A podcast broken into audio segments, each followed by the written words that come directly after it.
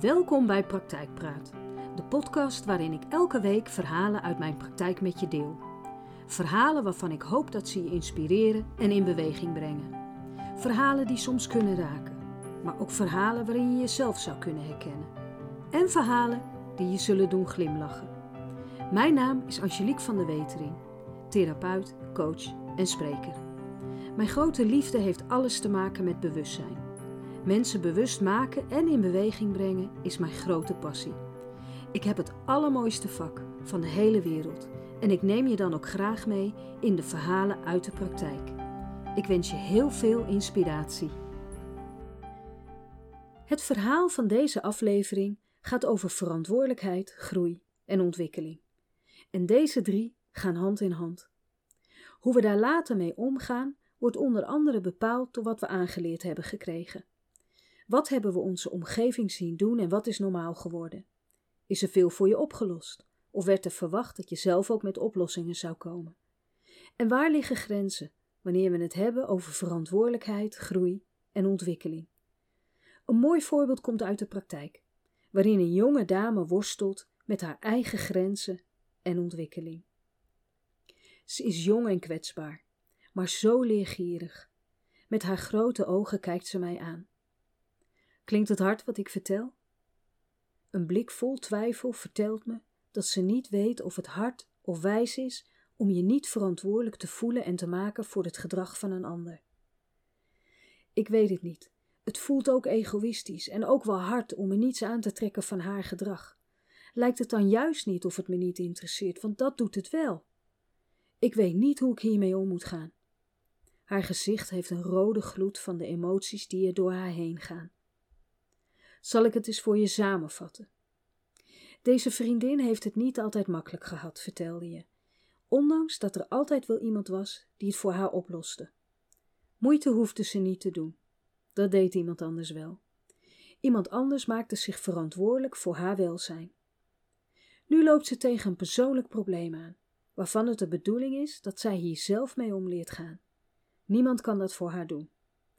Toch verwacht ze van haar omgeving, van jou, dat je er bent. En dat niet alleen, ook dat jij ver van tevoren al weet wat zij nodig heeft. Logisch, want zij heeft het nu erg moeilijk. Dat jij ook met je eigen dingen worstelt, dat maakt nu even niet uit. Zij heeft je nu nodig. En haar korte lontje? Dat past bij de situatie. Ook daarvan verwacht ze dat jij dat accepteert. En wanneer je je grens neerlegt, dan ben je egoïstisch. Hoe durf je, juist nu ze jou zo nodig heeft? Aangezien ze van je verwacht dat je het wel aanvoelt en ruikt wanneer ze je nodig heeft, vraagt ze je niet om hulp. En wanneer deze hulp dan uitblijft, omdat jij het niet kunt ruiken, ben jij degene die haar in de steek gelaten heeft. Klopt het tot zover? Ze knikt verdrietig. Wat ze doet, lieverd, is een ander verantwoordelijk maken voor haar probleem en eventuele oplossing. Ze vraagt niet, ze verwacht. En wat je ook doet, het gaat je niet lukken. Zij zal zelf moeten leren omgaan met haar probleem. Zelf ontdekken waar een oplossing kan liggen. En natuurlijk kun je met haar meedenken en haar vragen wat ze nodig heeft. Dat hoort ook bij een vriendschap. Wanneer zij leert vragen in plaats van verwachten, verplaatst haar probleem zich naar een oplossing. Dan neemt ze haar eigen verantwoordelijkheid. Door een ander verantwoordelijk te maken, geeft ze alles uit handen. En wanneer jij daarin meegaat, word je onderdeel van haar probleem en kan ze mede dankzij jou blijven waar ze staat. Ze staart naar haar handen, overdenkend wat ze net heeft gehoord. Wat denk je wanneer ik dit zo schets? Haar hoofd gaat omhoog. Ik zie een verdwaalde traan over haar wang rollen. Het klopt wat je schetst. Zo gaat het. En dat is ook de reden waarom ik zoveel weerstand voel. Het voelt zo oneerlijk. Ik denk dat het goed is wanneer ik hierover ga praten met haar. Ik wil dit zo niet meer. Ze kijkt me verdrietig aan. Terwijl we altijd zo close waren. We konden huilen, lachen, dat deden we samen. Weet je wat maakt dat dit veranderd is? Ze schudt haar hoofd, een duidelijke nee. Jullie hadden beide problemen en herkenden elkaar daarin. Met één groot verschil. Jij neemt je verantwoordelijkheid, vraagt hulp, deelt je gevoel, maar vooral je wilt het begrijpen en ervan leren. Zij willen vooral geen last van hebben en legt het liever bij iemand anders neer. En zolang ze erover kan blijven klagen, kan ze blijven waar ze staat. Jullie staan niet meer op dezelfde plek. Ik denk dat dit een verhaal is waarin we allemaal weer iets herkennen. Weten dat we niet verantwoordelijk zijn, maar ons toch zo voelen. En dat is ook niet gek. Het volgende voorbeeld zal ook iets herkenbaars hebben.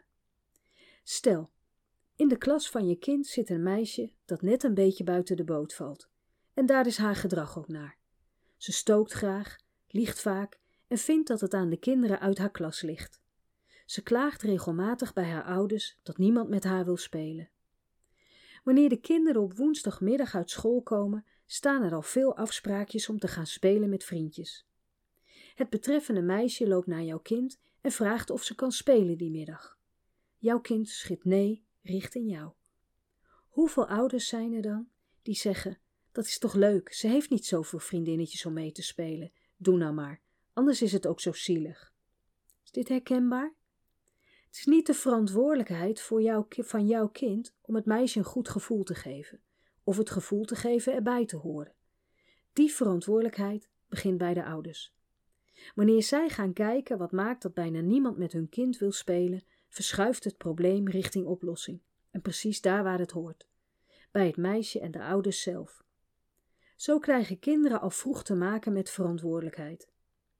En voor de ouders die zeggen: Doe maar wel, anders is het ook zo zielig, geldt vaak dat zij hetzelfde in hun eigen leven doen.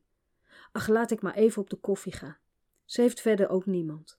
En vervolgens zit je een halve middag naar een klaagzang te luisteren die je tegelijkertijd uitput en boos maakt. Niet gek dat degene niet zoveel mensen heeft om koffie mee te drinken.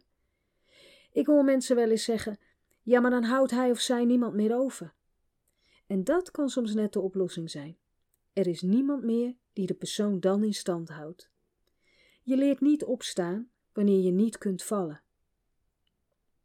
Er zijn drie redenen die groei en verandering in de weg staan. Het eerste is de comfortzone. Daar zijn mensen comfortabel met wat ze doen en ze vinden het niet fijn te veranderen. Het overgrote deel van de bevolking vindt redenen om niet te hoeven veranderen, zelfs wanneer de verandering in hun voordeel is of positief.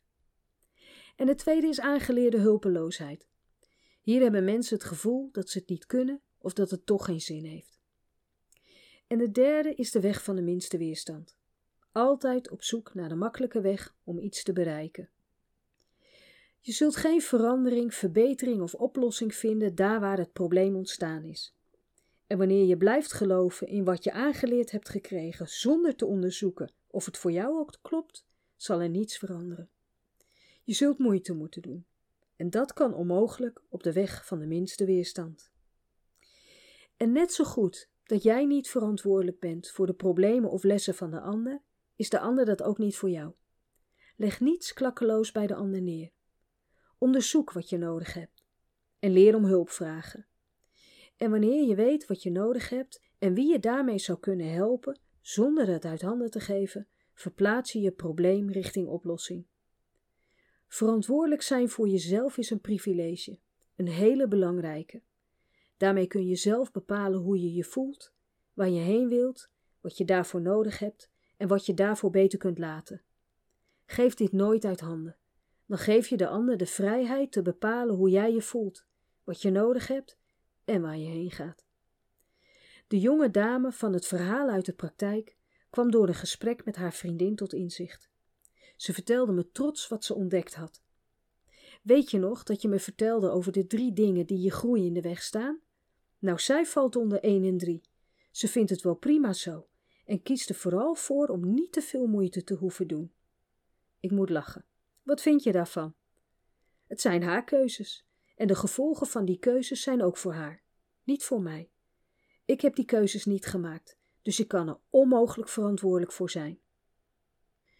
Wanneer je jonge mensen met dit soort gesprekken bewust en in beweging krijgt, dan kan ik echt met een heel warm hart zeggen dat ik het allermooiste vak van de hele wereld heb. Dit was weer een aflevering Praktijkpraat. Graag tot de volgende aflevering. Wat fijn dat je weer luisterde naar een aflevering Praktijkpraat. Dank je wel. Zou je door middel van een review willen laten weten wat je van deze podcast vindt? Dat is heel eenvoudig. Ga naar de podcast-app waarmee je deze podcast luistert en klik op reviews. Laat bijvoorbeeld 5 sterren achter en wanneer je wilt ook een geschreven review. Heel erg bedankt. En heb je naar aanleiding van deze podcast vragen, opmerkingen of suggesties? Mail dit dan naar info apenstaartje Wanneer je nou denkt dat deze podcast interessant zou kunnen zijn voor een vriend, een vriendin of bijvoorbeeld een collega, dan zou het super zijn wanneer je de podcastaflevering doorstuurt. Wil je alle podcastafleveringen overzichtelijk onder elkaar? Abonneer je dan op deze podcast. Klik in je podcast-app op de button subscribe of abonneer. En elke keer als er een nieuwe aflevering gepubliceerd wordt, ontvang je automatisch een berichtje.